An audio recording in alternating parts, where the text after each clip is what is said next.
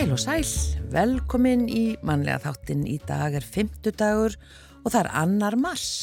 Já, við skoðum hvað við gesta á þessum degi í gegnum tíðina til dæmis árið 1923 bandaríska fréttatímariti Time kom út í fyrsta sinn. Tógarinn Skutull frá Ísafyrði var fyrir árás þískrar herrflugvelar við Breitland árið 1940 og þetta var fyrsta árás á Íslenskt skip í setni heimstyröldinni. Og bandarísk herrflutningavél, flugvél, fórst með 17 mönnum djúfta út af Reykjanesi á þessum degi árið 1956.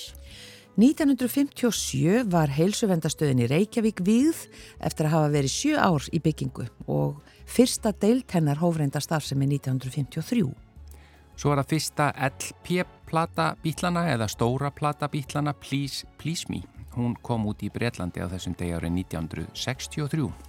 Og 1978 eh, opnaði skemmtistæðurinn Hollywood, eða staðurinn var opnaður í Ármúla í Reykjavík og um, varð strax mjög vinsæl. Fórstuð þangað? Jú, jú, jú. Jú, jú, jú. Oft. Já, ég, fó, ég var það ungur og ég fóð bara okkur svona úllingaböll sem var ekki held í alveg mikið stuð en, en gaman. Uh, Bíóhöllin í Reykjavík tók til starfa á þessum degi árið 1982 og þar voru sex síningasalir með samtals 1040 sætum. Þetta var svakalega mikil nýjung í bíóbransanum hér á Íslandi, svona margi salir sko. Já, svo var það kraftliftingasamband Íslands, það var stopnað á þessum degi 1985. Já, já, allt í neyru hugsa, kannski var regnbóin komin að á svipum tíma með markasvali. Ég, ég þarf að skoða þetta betur. Já, já það er alveg rétt. Já, ég held en... að regnbóin hafi verið komin þarna á Já. undan bíóhöllinni. Já, já, já. En uh, Edda Björk Þorðardóttir, uh, lektor við miðstöð í líðhelsuvísindum við Háskóla Íslands og sálfræðingur á geðsviði landsbítalan, hún, landsbítala, hún ætlar að koma til okkar uh, í framhaldi af umföllum okkar um áföll, afleðingar áfalla og meðferðar úrræði, sem sagt undanfarið. Hún Edda Björk, hún ætlar að fræða okkur uh, hér eftir nokkra myndur um áfallatengt svefn vandamál sem sum upplifa í kjölfar áfalla en þau geta orðið þrálátt. Margir upplifa nýtt líf eftir starfslokk og hjá vinnuvend eru haldinn námskeið þar og farið er yfir atriði sem gott er að vita til að njóta lífsins eftir starfslokk. Eh, Það er fjallað um lífeyrismál, réttindi, húsnæðismál, fjármál, eignir, áhugamál og fleira. Og eh, hún kemur til okkar hún Sigþrúð Guðmustóttir, mannuðstjóri á eftirlaunum eins og hún kýsað titla sig og eh, við ætlum að tala meira um þetta efni hér og eftir en hún segir einmitt þegar maður á svona, já kannski tvö ár eh, í starfslokk, það er rétti tíminn til þess að fara svona velta þessu fyrir sér og afla upplýsinga. Já, svo er það Kolbrún Kolbeinsdóttir sem ætlar að til, koma til eitthvað eftir. Hún er að, er að útskrifast eða var að útskrifast úr meistaranámi í kynjafræði og lokaverkefni hennar í náminu fjallar um konur í konukoti, konur sem að glíma við heimilisleysi. Hún talaði við konur sem hafa notað eða nota konukot og, og talaði við forstöðu fólk og rekstraraðila í málaflokki heimilislausra og fór í þau skíli sem er í bóði fyrir heimilislausa í Reykjavík og hún ætlar að koma til okkar í lokþáttar og segja okkur frá því hverjum komst að. En við byrjum að lægi eftir Pál Torfa Önundarsson, það heitir Ferrari og það er Ragnhildur Gröndal sem syngur.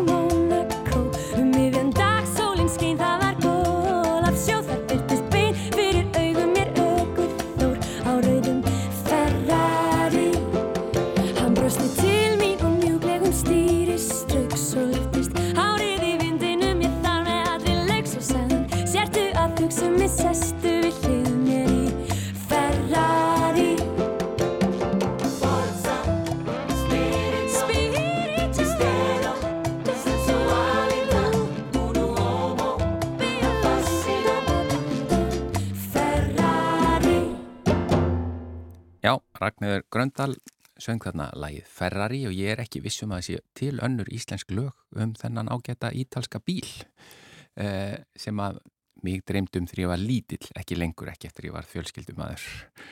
Uh, en hingaði komin. Edda Björk Þórðardóttir, lektor við miðstöð í líðvel, líðheilsu vísindum við Háskóla Íslands og sálfræðingur á geðsviði landsbítalans. Velkomin í manlega þáttin. Takk fyrir. Við erum bara að halda áfram á okkar vegferð að svona fræðast um og, og fjalla um áföll og afleiðingar áfalla og jafnvel meðferðar úrræði. Eh, og þú ert með, ég bara, mér fannst mjög áhugavert, eh, þú ert með eh, áhugaverða hlið á eh, afleiðingum áfalla, þar að segja svefn vandamál, ekki satt. Mm Akkurat, já, takk fyrir það og takk fyrir að veita þessum mikilvæga málaflokki aðtigli. Um, jú, ég hef verið að rannsaka svona áfallatengt svefvandamál og, og þau eru svona aðeins öðruvísi en þessi almennu svefvandamál eins og það að eiga erfitt með að sopna kvöldin og, og kannski vera að vakna á nóttinni um, og, og út af því að maður hérna áleika andvaka og vakna snemma mótnana. Um, þetta eru svona enginni þess sem fólk getur upplifað eftir að upplifa á, áfall og þetta eru enginni um martraðir um, þar sem að fólk er, er, er sem eru martraðir um áfalla atbyrð sem fólk hefur upplifað og þegar að þessar martraðir er þessi stað þá, þá er annað enginni að það séu streyti við bröð um, eins og mjög hraður eða þungur hjartsláttur hröð öndun eða, eða að vakna, fólk vaknar mjög sveittjapel og síðan er það einnkynnu um að leika drauma sína. Það er að segja að, að sparka eða, eða kýla úr, úr svefni eða vera svona með hendurnar á fullu eða fætunar á fullu þegar fólk er að dreyma eða þá að, að öskra upp úr svefni eða, eða, eða kalla eða vera með eitthvað svona, svona hljóð.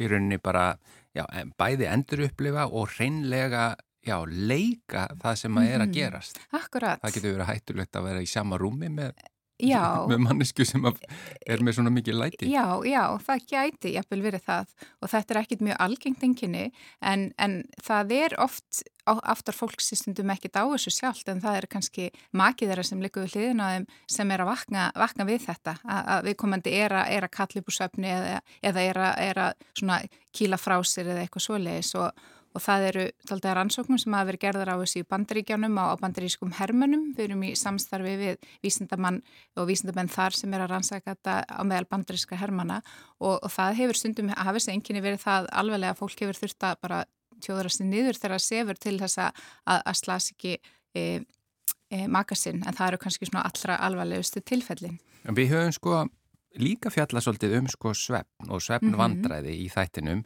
en ekki kannski beinleins út frá þessu, ekki út frá áföllum að því að flestir þekkja það ef, að, ef þú ert áhyggjufullur eða kvíðin eða eitthvað svona, eitthvað bjátar á, Mm -hmm. þá kemur það oft nýra á svefninum. Einmitt. En svo er líka áhugavert að því ég var að lesa grein eða viðtal við þig hérna hjá háskóla eða vísinda, vísindavefnum eða hvað er það hjá Háskóla Íslands Já. þá er þetta að tala um í rauninni að því svo draumar Mhm. uh, við vitum í rauninni ekkert það mikið um hvað í raun og veru draumar eru Einmitt. og hvað í rauninni hvað er að gerast og þarna eins og þú segir að upplifa kannski áfall aftur og aftur og aftur þú veist, Mhm. þetta, þetta er svo hrikalega áhugavert að því að við erum kannski skamt á við komin með hvað í raun og veru bara hreinlega draumur er Einmitt, það er hárétt og, og, og þess vegna finnst mér þetta svo áhugavert viðfangsefni til þess að rannsaka um, líka því að við þurfum um, fleiri meðferðar úræði til þess að, að veita fólki sem er að glíma við hennan vanda. Að því eins og þú segir að við vitum ekkit almenlega nógu mikið um svefn, við vitum að hann er okkur alveg lífsnausinlegur um, við verum yfir svo mikið þá verðum við kollrugluð og, og dýratílunir hafa sínt fram á að, að hérna, bara líffærabilun ef að við, við sviftum dýr algjörlega hérna, svefni Um, þannig að við vitum að, að það er mikil úrvinnsla sem fer á stað að við erum að vinna úr áföllum um, að degi til og líka á nótti til. Þannig að, að og, og það í draumsöfnunum þá er talið að, að við séum að vinna e, úr minningum og tilfinningum sem við hefum upplifað yfir daginn og við erum kannski að tengja þessar einslokkar við fyrir einslu og þegar að, að fólk verður fyrir mjög þungbæri lífseinslu sem er hlaðið svona ofbáslega sterkum þungum tilfinningum að þá getur orðið svona trublun þar á er talið að við náum ekki einhvern veginn í draumsöfnunum að svona aðskilja tilfinninguna þannig að minningin siti, siti eftir einu sér. Það er svona tilgátan um af hverju þessar martraðir að eiga sér stað eftir, eftir áföll og það er hérna þannig það er svo margt sem við, söfnin er svo magna fyrirbæri, það er svo margt sem við vitum ekki ennþá og við vitum sko, sko eins og margtræðir, það er eitt enginni áfallastreituröskunar sem er um, sumir þróa með sér eftir, eftir alvarlega áföll um, og það sem við vitum að hefur reynst ágætlega til þess að, að vinna með margtræðir er þessi hefðbundna meðferði áfallastreituröskun um, en líka að sagt, skrifa, fólk skrifar martræðirnar eh, eftir að það vaknar og breytir síðan hérna, innihaldera þannig að hérna, mart, martröðun verður bara eitthvað svona venjulegu draumi. Og les þetta síðan yfir endur tekið og þetta hefur skilað sér í fækkun á áfallatengdu martröðum. En, en við þurfum hins vegar að, að bara halda áfram að rannsaka þetta til þess að koma með enn betur, betri meðferðar og úræði fyrir þennan hóp sem þjáast að þessum enginum. Já þannig að í rauninni eh, bara meðferð við áfallastreituröskun eh, hún í rauninni er það sem er til til þess að vinna á þessum sveppvanda því að þú, þú í rauninni þarst að ná niður hvað sem er öllum, öllum afleiðingum áfallastreitu raskununarna. Mm -hmm. Já, þetta er eitt enginni áfallastreitu raskunar en það sem að hérna, vísindamenn hafa verið að sína fram á er að það eru sumir sem er að þjástafu sem áfallatengtu söpvandamálum sem eru ekki með áfallastreitu raskun og Já. við viljum ekki missa þennan hóp í hérna þegar við erum að veita meðferð við viljum passa að, að, að missa ekki af þessum hópi þannig að við þurfum, það er svona tillaga um að tala um þetta sem bara sér röskun áfalltengt söpandamál sem, sem væri sér greining og það eru þá sér meðferði því að því að það sem við sjáum líka er að þessi hefðbunda meðferði áfallastreitur röskun, þá er ég að tala um til dæmis hugurana úrvinnslu meðferð um, e, og, og hérna EMDR meðferð um, eftir uh, þessa svona gaggreindu meðferði áfallastreitur röskun þá sitja söpandamálinn oft eftir martraðinar og það hefur svona ítt vísindamönnum í þessa áttbítu, við þurfum eitthvað að skoða þetta nánar, við þurfum að reyna að, að hérna, hvernig getum við gripið um þennan hóp sem er að þjásta af þessum sveppvanda og, og, og meðferðar hann eitt og sér. Þetta er líka mjög áhugavert þetta með sko að því að eitt af engjörnunum, þetta hef ég lært núna undanfarið á þessum viðtölum sem Já, ég tekið er þetta frábært. með, það er að segja afleðingar áfalla mm -hmm. og sérstaklega út komin það langt, þetta er árið áfallastreitur öskun og þá er það forðun að þá er það vilji í mhm. rauninni ekki horfast í augu við e, og fari ekki og alls ekki og forðast aðstæður og forðast fólk sem að getur kveikt einhverjar, en þá er hrikalegt að vera fastur í martruð mm -hmm. sem að bara kemur aftur og aftur og minnir þig og getur jafnvel bara magnað upp sko Já upp áfallið sjálft um, Þa, þetta er alveg gríðarlega það, það restu bara allt sem þú ert í raunin að flýja á daginn og forðast mm -hmm. það bara ásækir þig á nóttinni Akkurat og það getur verið mjög erfitt fyrir fólk að, að bara bæði ferða að kvíða fyrir þig að, að, að sopna Um, það, það rekkur kannski upp á nóttinni eh, að því að það er að öskraða leika drauma sína, það er illa út kvílt kerfið, bara líkamlega kerfið er einhvern veginn streytustíð er svo hátt þá á nóttinni þegar þetta er að gerast hjartslátturinn er á fulli og öndunin hröð, þannig að hérna, við erum ekki að ná þessu slökun sem við þurfum á nóttinni og síðan er fólk að vakna og það er ekki út kvílt og við vitum að, að hérna, svefnin er svo ofboslega mikilvægir fyrir okkur, bæði fyrir andlega hilsu okkar og líkamlega hilsu. Þannig að það er svo mikilvægt að, hérna, að þjónusta þennan hóp sem er að þjástafa sem vanda og, og, og, og þróa viðandi meðferð fyrir þessum vanda.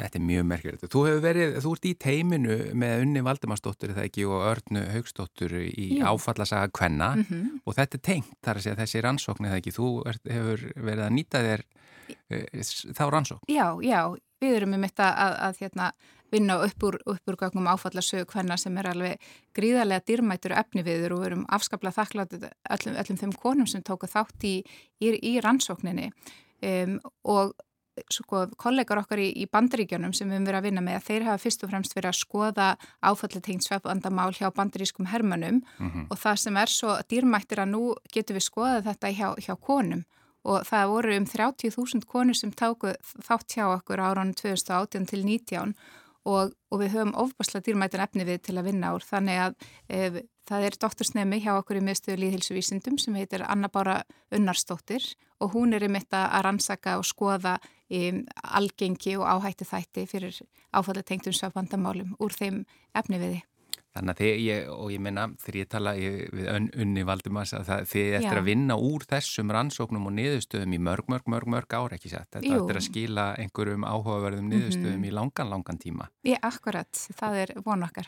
Og þetta að 30.000 konur hafi tekið þátt, þetta mm -hmm. er mhm. alltaf einstakt á heimsvísu bara hvað þetta er stór hluti þjóðarinnar sem tekur þátt í svona rannsók. Það er það, þetta er einstæðista rannsókn akkurat eins og þú segir sem hefur verið framkvæmd á heimsvísu um, um áföll og afleðingar þeirra.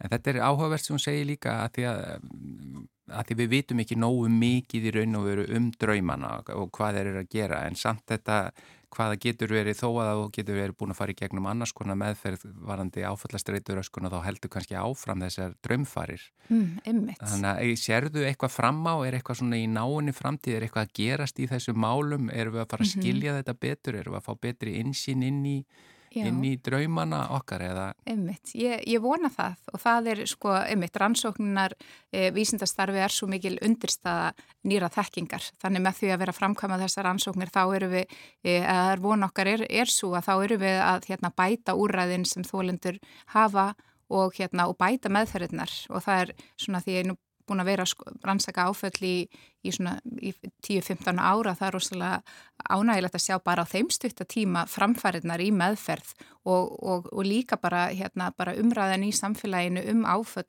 og afleðingar þeirra. En það er, einmitt svefnin er svo magnað fyrirbæri og, og heilin er svo magnað fyrirbæri að það er svo mikilvægt að rannsaka þetta og eins og þetta með draumsvefnin, þetta leika drauma sína, sína að þegar við erum að dreyma, okkur er að dreyma, þá eru augun okkar að reyfast fram og tilbaka en, en undir eðlum kringumstæðum þá eru vöðvarnir lamaðir. Þess vegna eru við ekki að reyfa okkur. Mm -hmm. Þótt að okkur sé kannski að dreyma við séum að hlaupa eða hoppa eða jafnvel fljúa en þegar að í þessum áfallet tengdu söppandamálum þá, þá er eitthvað, eitthvað ekki alveg hérna í heilunum um, sem, sem er uh, já, eitthvað sem er að þar og við förum að fólk fer að leika drauma sína og, og þetta er hérna e, bara mjög áhugavert, við vitum ekki almenna af hverju þetta er, þetta getur verið byrtingamind af, af e, einum sjúkdómi hérna sem er algengt hjá eh, eh, karlmennum helst yfir 50 eh, hérna sem er mjög sjálfgefur og heitir REM behavior disorder en að öðru leiti verðist þetta vera mjög bundið við áfallatengt svapandamál þetta enginni að leika drauma sína. Og náttúrulega þegar við sofum þá eru við hérna e, þá eru við mjög svona berskjölduð á nóttinni. Já. Þannig að, að, að það er áhugavert að mitt eftir að fólk hefur gengið í gegnum eitthvað þungbæra lífseinsluða sem að var kannski mikið lífsók að, að þá á nóttinni þegar við erum e, berskjölduð að þá er fólk að, að hérna, þá er viðbraskerfið einhvern veginn á fullu og fólk er, er hérna að upplifa þessi enginni. Þannig að það er hérna... Þannig að maður bara bókstæðilega fastur í martröð. Já, já, þetta já. getur verið mjög íþingjandi fyrir hérna já, fyrir þólendur og maður sér það hjá skjólstæðingum.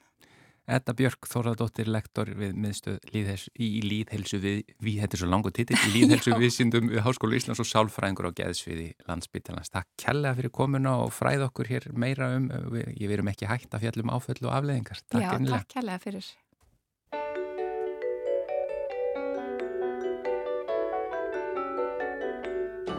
Í kjallaranum, í kjallaranum Honum kela aldrei reiknislistum brásum Í kjallaranum, í kjallaranum En keli lærði aldrei neitt um koss og megar ást Það sagt hefur verið í sögum Og sungið mörgum það ljóð. Hvað ástinn er ótrygg og hverfur Þótt um meginn sé við því góð en allt er það ekkert að marka sem á því má glöglega sjá að piltarnir yrkja oftast um þær sem aldrei líta á þá. Í kjallaranum, í kjallaranum honum kjela aldrei reiknislistum brást í kjallaranum, í kjallaranum en kjeli lærði aldrei neitt um koss og megar hann kjeli í kjallaranum fættist og kjeli var mesta efnisbarn. Og lærði fljótt meir en allir aðrir. Hvort úti var solskin eða hjarn hann satt alltaf sveittur við að læra. Og sást aldrei úti um nótt.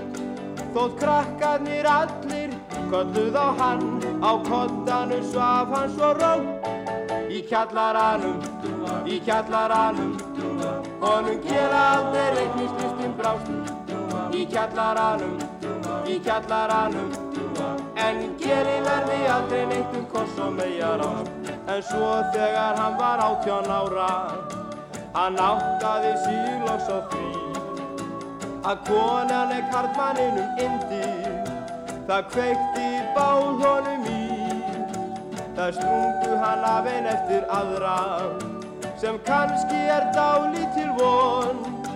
Því hann kunni minna um koss og ást en Köllu og Jón Gerreksson í kjallaranum, í kjallaranum honum kjela aldrei reiknislistin brást. Í kjallaranum, í kjallaranum en kjeli lærði aldrei neitt um koss og megar ást svo gafst hann upp á þessu öllu og orti mörg og döpur ljóð. Hver ástinn gæti verið indæl ef einhver væri honum góð. En loksins einn sem var við aldur að sér hann kjela þó tó á endar lendi í hjónaband nú aldrei hann lítur í bók. Í kjallaranum í kjallaranum Hánum kjela aldrei reiknislistin brást í kjallaranum, í kjallaranum en kjeli lærði aldrei neitt um koss og megar ást því kærting er kraftaleg og yðin hann kjeli má nú vinna eins og þræð og andvaka yrkir hann hvæði hver áður hann var gladur og sæl og svona það sannaðist á kjela sem sagði ég áður að piltarnir ættu að ykkur þær sem aldrei líta á þá. Í kjallaranum, í kjallaranum honum kjela aldrei reiknislistin brást. Í kjallaranum, í kjallaranum en kjeli verði aldrei neitt um koss og megar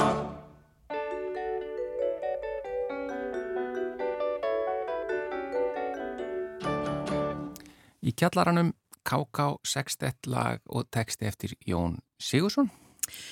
Já, margir upplifa nýtt líf eftir starfslokk og hjá vinnuvend eru haldi námskeið þar sem farið er yfir atrið sem gott er að vita til að njóta lífsins eftir starfslokk. Það er fjallað um líferismál, réttindi, húsnæðismál, fjármál og ímislegt annað. Sigþrúður Guðmundsdóttir er mannöðstjóri á eftirlaunum eins og hún kallar sig og spurningin er þessi, eru allir jafn tilbúinir undir starfslokk? Ég held að það sé bara mjög misjamt ef ég tek til dæmis með að fólkinu sem er að fara í, inn á þetta skeið núna, þetta er fólk sem er fætt í kringum svona 1955 og þessi kynslu fóru rosalega snemm út á vinnumarkaðin mjög margi sem voru komin út á vinnumarkaðin bara öðru hverju megin við tvítugt. Já. Þannig að þetta fólk er búið að vera á vinnumarkaðinum kannski frá 1975-80 og ég held að mig almennt segja að flestir séu mjög tilbúinu til að fara inn á þetta skeið. Hætta semst fullir í fastri vinnu og fara bara unna sig við það sem þeim finnst skemmtilegt. Og svo hefur færst í aukana með árónum í þessi átta ár sem ég er búin að vera með þessi námskeið þá sé ég til dæmis mun á því hvað er margir sem að halda áfram í einhverju verkefnabundinni vinnu eða sem verktakar eftir þeir komast inn á þetta æfiskeið. Það þarf ekkit endilega að tengjast fyrir vinnustaf. Ég til dæmis bara bent á þann rosalega stóra hóp af einstaklingum sem að starfa sem leiðsögumenn sem er á þessum aldri Já. og eru þar að leiðandi verktakar. Mm. Þannig að ég held að flestir, flestir hlekki til og svo eru sem náttúrulega, það er ákveðin gleði í því að fara inn á þetta skeið en svo eru ákveðin svona eh, áskoranir sem að fólk þarf eiginlega að takast á við sem að valda sumum hugarangri og náttúrulega mismiklum Mm. og það sem ég hef kosið að gera er í raun og veru að byggja efni þannig upp að taka á þessum þáttum sem að fólki finnst vera erfiðir og áskoranir og líka fjallum það sem er mjög jákvægt við þetta skeið sko. Já. Það er til dæmis alveg ótrúlega gott að þurfa ekki verið í morgun og síta í sumferðinni á leiðinni til og frá vinnu sko. Já. Þannig að, hérna, já, þannig að ég myndi nú segja að flestir hlakki til Já. eru kannski bara búin að fá eiga svolítið langa vinna efa baki og eru fyllilega tilbúinir til þess að fara að hæja á sér og fara að gera annað. Já. Og hverjar eru þessa helstu áskoranir sem þú, sem þú talar um sem svona kannski, uh, já, fólk er kvíði fyrir? Já, ég myndi segja að svo staðrend að langflestir lækka verulega í tekjum eftir þeir fara sem sagt á líferi og ellilíferi frá tér. Það sé kannski stærsta áskorunin vegna þess að, svo ég nefni aftur þessa kynnslóð, hún er sem sagt á vinnumarkanum á skeiði sem er eiginlega tvö ólík skeið varandi líferi. Vegna þess að fyrir hluta vinnuskeiðsins hjá þessu fólki að þá greitti fólk þar að segja þá greittu engangu þeir sem að voru á almenna vinnumarkanum í Lífyrsjóði frá 1969 þeir sem er í eigin atvinnurekstri eða verktaka, þeir byrju ekki að vera skildu til þess að greiði í Lífyrsjóði fyrir en ég held að hafa verið farað að nálgast árið 2000 þegar það verður skilda Já, ekki fyrir. ekki fyrir, nei. Og á þessu skeiði þá er það gerðna þannig að lífyrirsjóðs yðgjaldi var greitt af grunnlaununum. Að því samsetning launana var mjög gerðnan grunnlaun yfirvinna, först yfirvinna alls konar yfirvinna bíla, peningar og ég veit ekki hvað og hvað en lífyrirsjóðgjaldi var greitt bara grunninum þannig að það voru margir sem stóði þeim sporum sem að voru að fara á eftirlaun til dæmis fyrir árið 2000 að lífeyririnn var bara pínu pínu lítill vegna þess að það hefði bara verið greitt af grunnlaununum. Mm. Svo verður þessi breyting að sem er það er að fara að nálgast 2000 þegar hún verður og þá fer fólk, vinnandi fólk að greiða af öllum sínum tekjum. Já, heldalaununum. Já, heldalaununum sem þýðir alveg rosalega mikla breytingu á, hvað maður segja, þeim peningum sem að lagður eru í, til áhustunar í viðkomandi, eða lífið í sjóðu viðkomandi einstaklins. Og svo gerist líka annað á þessum tíma að það er það að það er stopnað til sérregnarspartnarins 1997. Þannig að sagt, hópurinn sem er núna að fara á eftirlaun, hann býr við þetta lífið í sjóðakerfi sem er mjög breytilegt á þessum tveimu tímabilum og þar alveg eru upphæðina bara frekka lágar sem að fólk er að fá sko. Mm. Og þá stendur fólk frammi fyrir því að vera, ég allavega sá stóri hópu sem ég er búin að hitti þessi átta ár, að ég myndi halda all flestir væru kannski fá eitthvað í kringum 50%. Og það í raun og veru, sagt, þetta er kvíðaefni og áskorun, Já. vegna þess að flestir þurfa að taka fjármálinn sín í gegn. Vegna þess að þú, þú verður að reyna að komast af á þessum breyttu tekjum. Þú getur náttúrulega að nota sérregnarspartnaði til þess að hjálpa þér og svo fara sumir í einhverja hlutavinn eða eitthvað slíkt sko. En þetta er, er mjög mikið áhugjefni hjá þessum hópi. Þannig ég stundu sagt að kannski helmingurinn af þessum námskeiði mínu séu fjármál 101 fyrir eldriborgara. Já, akkurat. Já. Þannig að, að hérna, svo er líka mjög mikil áskorun í því að hérna, standa frammi fyrir þeirri starrend sem er, mér finnst reynda mjög gleðileg að þú átt svo mikinn tíma. Þú er nægan tíma til að gera svo margt sem þið langar til að gera. Þetta er kvíðaefni fyrir suma, aðra ekki. Mm. Mörgum finnst rosalega slæmt að missa af samstagsfólkin af vinnustafnum Já, Og svo myndi ég nefna sem fjórða atriði að það eru vangaveltur um fastegnumál. Uh, Hvernig vil ég búa? Bý ég í húsnæði sem hendar mér áfram eða er þetta óhendut húsnæði? Þannig að mjög margi þurfa að fara í gegnum það að ákveða sig, sem sagt, hvort er ætla að búa áfram í núvarendur húsnæði eða breyta til. Þannig þetta fendt er það sem að hérna, ég finn að liggur fólki mest á hjarta Mm. og svo verður að segjast eins og er að ellilífeyriskerfið frá TR eins og það er sett upp núna það er mjög flókið og það er þarna mjög marga breytur í þessu dæmi og það er ekkert voðalega auðvelt fyrir einstakling að standa frammi fyrir því að finna út sagt, hvað við komandi fær akkurat í ellilífeyri frá TR. Þannig ég hef lagt alltaf góðan tíma í þetta atriðanamskeiðinu Mm. og þá lærir fólk til dæmis að fara inn á reiknivílina hjá TR sem er ágætt. Við það fram að það er mjög fínar upplýsingar fyrir þennan aldursóp inn á síðunni hjá TR og svo er líka rosalega fínar upplýsingar um lífeyrismál almennt inn á síðu landsambands lífeyrissjóða. Það er fullt af upplýsingaatriðum, spurningum og svörum þannig að ég myndi eiginlega benda fólki á þegar það er í, með þessa spurningu fyrir fram að sig Já. að fyrsta lagi kanna hjá lífeyrissjónum sínum og byggja hann um að kanna hjá öðrum sjóðum hafa verið unnið annar staðar og greitt í aðra sjóði fyrir á starfsæfinni og þegar þú komið þær upplýsingar að fara þá inn á vefin hjá TR og mata upplýsingarna þinnar inn og finna út þá þína eila niðurstöðu og ef þú ert í vafa Já. þá skaltu bara fara og hitta þjónustufulltrúana hjá lífyrirsjónuðinum eða hjá TR Já. og fá upplýsingar. Þetta er eiginlega fyrsta skrefi fyrir flesta, finna út lífyrirsjónsinn og finna út sagt hver ellilífurinn frá TR er. Já. Og svo er flóki kerfi um það hvernig samspilið á milli lífyristekna og annara tekna er á ellilífurinn sem þú færð. Og þá erum við að tala um hinnar margumtölu skerðingar og allt svoleiðis og þar er fólk með ymsar hugmyndir sem eru bara reynlega ekki réttar. Algengasta sem ég heyri er að séragnarspartnar hafi áhrif á ellilífið frá. Já. Það hefur ekki verið í, ég hugsa að sé minnstu kosti áratugur.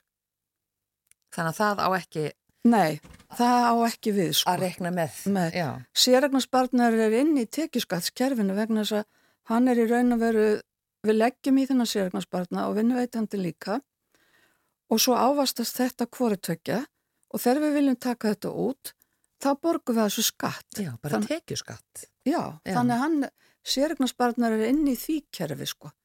Hann spilar ekki inn í hérna ellilífinin frá TR. Nei. Og þetta er bara fullt af atriðum sem maður þarf að fara yfir með fólki. Og ég verð að segja það að hérna, þetta er, sko það mætti minga flækjustíð í þessu. Þetta er svona, þarna eru atriði inni sem að er í raun að veru, e, auðvitað er ríkisjóður að reyna að stilla sínum útgjöldum í hóf, ég gerir mér alveg grein fyrir því, en fyrir einn almenna starfsmann sem er vanur því að vera í góðri þjónustu hjá sinni mannasteld eða fjármáladeld og fær sín laun rétt og rétt um tíma og það er haldið utanum orlof og veikindarétt og allt þetta, þá stendur fólk bara eitt á báti eftir að það er hægt að vinna vegna þess að þú ert farin af vinnustanum, þú ert ekki lengur í stjættafélaginu þínu, þannig að þessir aðilar eins og stjættafélagið og mannauðsviðið eða fjármálasviðið innan stofnan eða fyrirtækja er ekki lengur að halda utanum þig. Heldur færð þú í raun og verið það verkefni að vera þinn eigin fjármálastjóri og eigin mannustjóri. Já, sem getur verið svolítið flókið. Uh, hvernig hefjast þessi námskeið? Sko ég held námskeið mín núna hjá fyrirtæki sem heitir Vinnuvend sem er svona þjónustu fyrirtæki fyrir fyrirtæki og stofnari sérum til dæmis trúnalækna þjónustu, flensusbrautur, vinnustaða, úttektur og fleira og fleira Mm. og þau vildu hafa svona námskeið í sínu frambúði þannig að ég er búin að starfa með þeim núna í þrjú ár og við hefum verið að kæra yfir svona um það byrjum tvö námskeið á önn og setna námskeið á þessari önn hefst núna 21. mars og hvert námskeið eru þrýr mótnar. Já, og það er hægt að fara, eð, svona, í flestum tilfellum hægt að fá styrk frá sínu stjættafélagi og það já. er svona hugsa, þetta er hugsa fyrir þá sem eru enn á vinnumarkaði en eru e, fljótlega að fara nálægt nálægt Ég starfslokum. segi stundum að besti tíminn sé kannski þegar þú átt svona 1-2 ári starfslokk vegna þess að þá hefur þið tíma til þess að endur skipulegja fjármálinn þín Mm. með út enn með tekjurna þínar. Akkurát. Þannig að, sem sagt, já, 1-2 ár, þannig að þið, sem, þeir sem eru kannski 65 núna, alltaf eftirleginn 67, og þá er að koma mjög góðu tími til að setja, setja svona námskeið. Já. Kæra þakki Sigþróð Guðmustóttir, mannuðstjóri á eftirlaunum eins og þú titlar því. Já, takk fyrir mig. Takk fyrir komuna.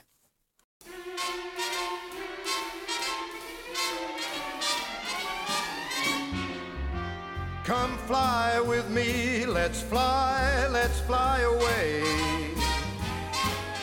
If you can use some exotic booze, there's a bar in far Bombay. Come on and fly with me, let's fly, let's fly away. Come fly with me, let's float down to Peru. In Llama Land, there's a one-man band, and he'll toot his flute for you. Come on, fly with me, let's take off in the blue. Once I get you up there, where the air is rarefied,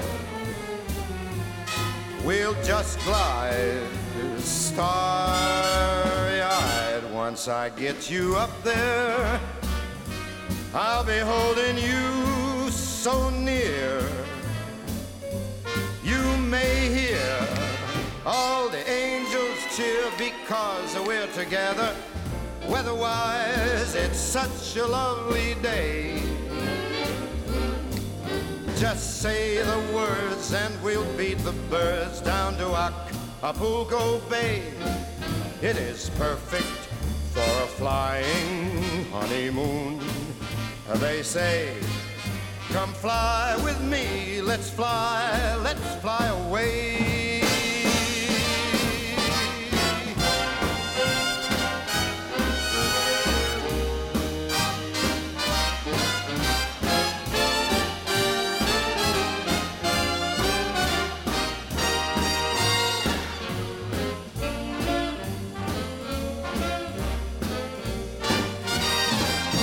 Once I get you up there where the air is rarefied, we'll just glide starry eyed. Once I get you up there, I'll be holding you so very near. You might even hear a whole gang of cheers just because we're together. Weatherwise, it's such a cuckoo day. You just say those words and we'll take our birds down to Acapulco Bay. It's so perfect for a flying honeymoon. Oh,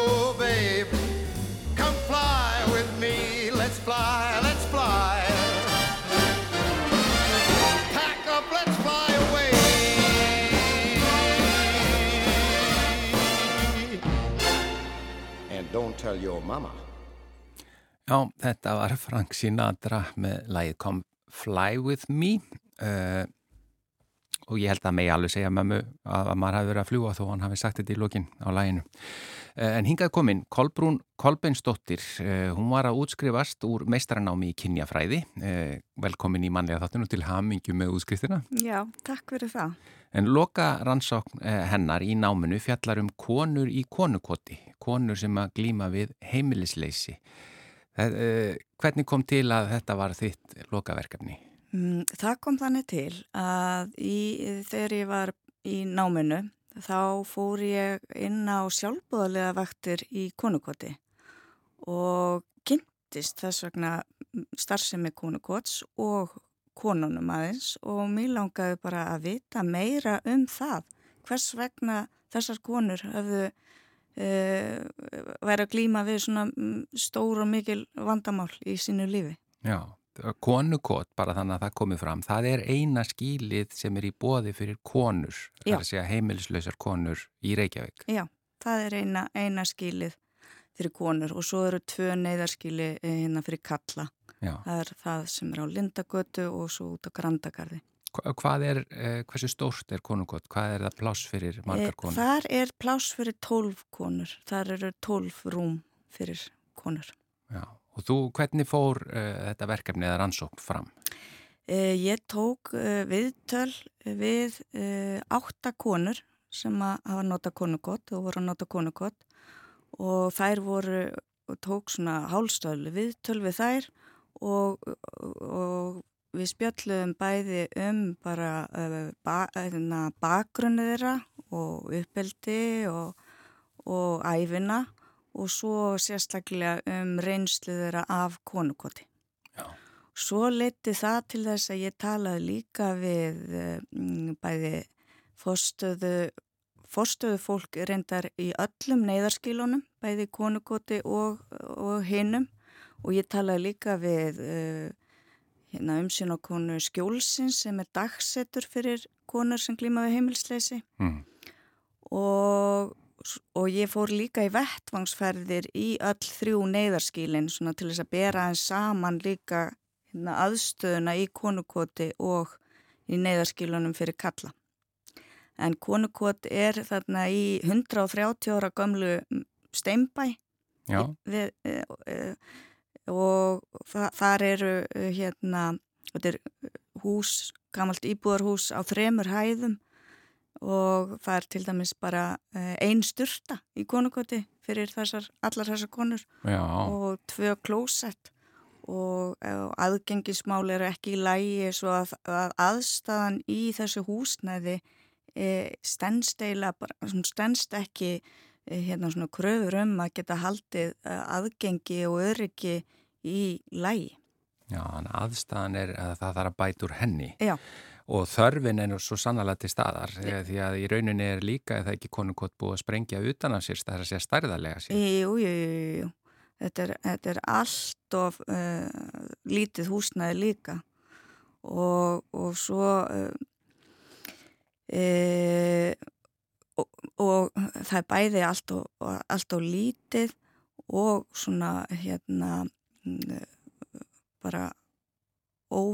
bara óviðunandi fyrir Já. þessa starfsemi en þjónustan sem er veitt í konukoti er uh, þjónusta sem konunum líkar vel og það, það, þeim líður ve vel uh, eins og rítgerðin mín heitir eini staðurinn í samfélaginu þar sem ekki er hort niður á þig af því að, að þeim er mætt á þeim uh, fósendum sem þær eru á og, og hérna Þetta er alveg nýstandi setning sko, hún nýsti mann alveg inn í hjartað. Já, og þe- þetta er bara tilvitnun í eina af konunum sem þú talaði við. nákvæmlega. Og það, þær eru allar í rauninni sammála um þetta. Og það er eitt af því sem að mér fannst uh, ofbáslega uh, aðtiklisvert og bara auðvitað ömurlegt að það er að það er ekki nóg að þær hafi hérna að glíma, að glíma við heimilisleysi heldur eru þær að glíma við svo rosalega fordóma í samfélaginu. Og, og hérna það er alveg sama í rauninni hvort það er, í heilbríðskerfinu eða, eða lög, réttarfæslukerfinu eða hvar þær eru að þær finna fyrir svo miklum fordómum. Og, og komin í konukot að það er svo mikið skjól að þessu leiti. Já. Já, þær eru eiginlega bara bókstala utan gáta í samfélaginu.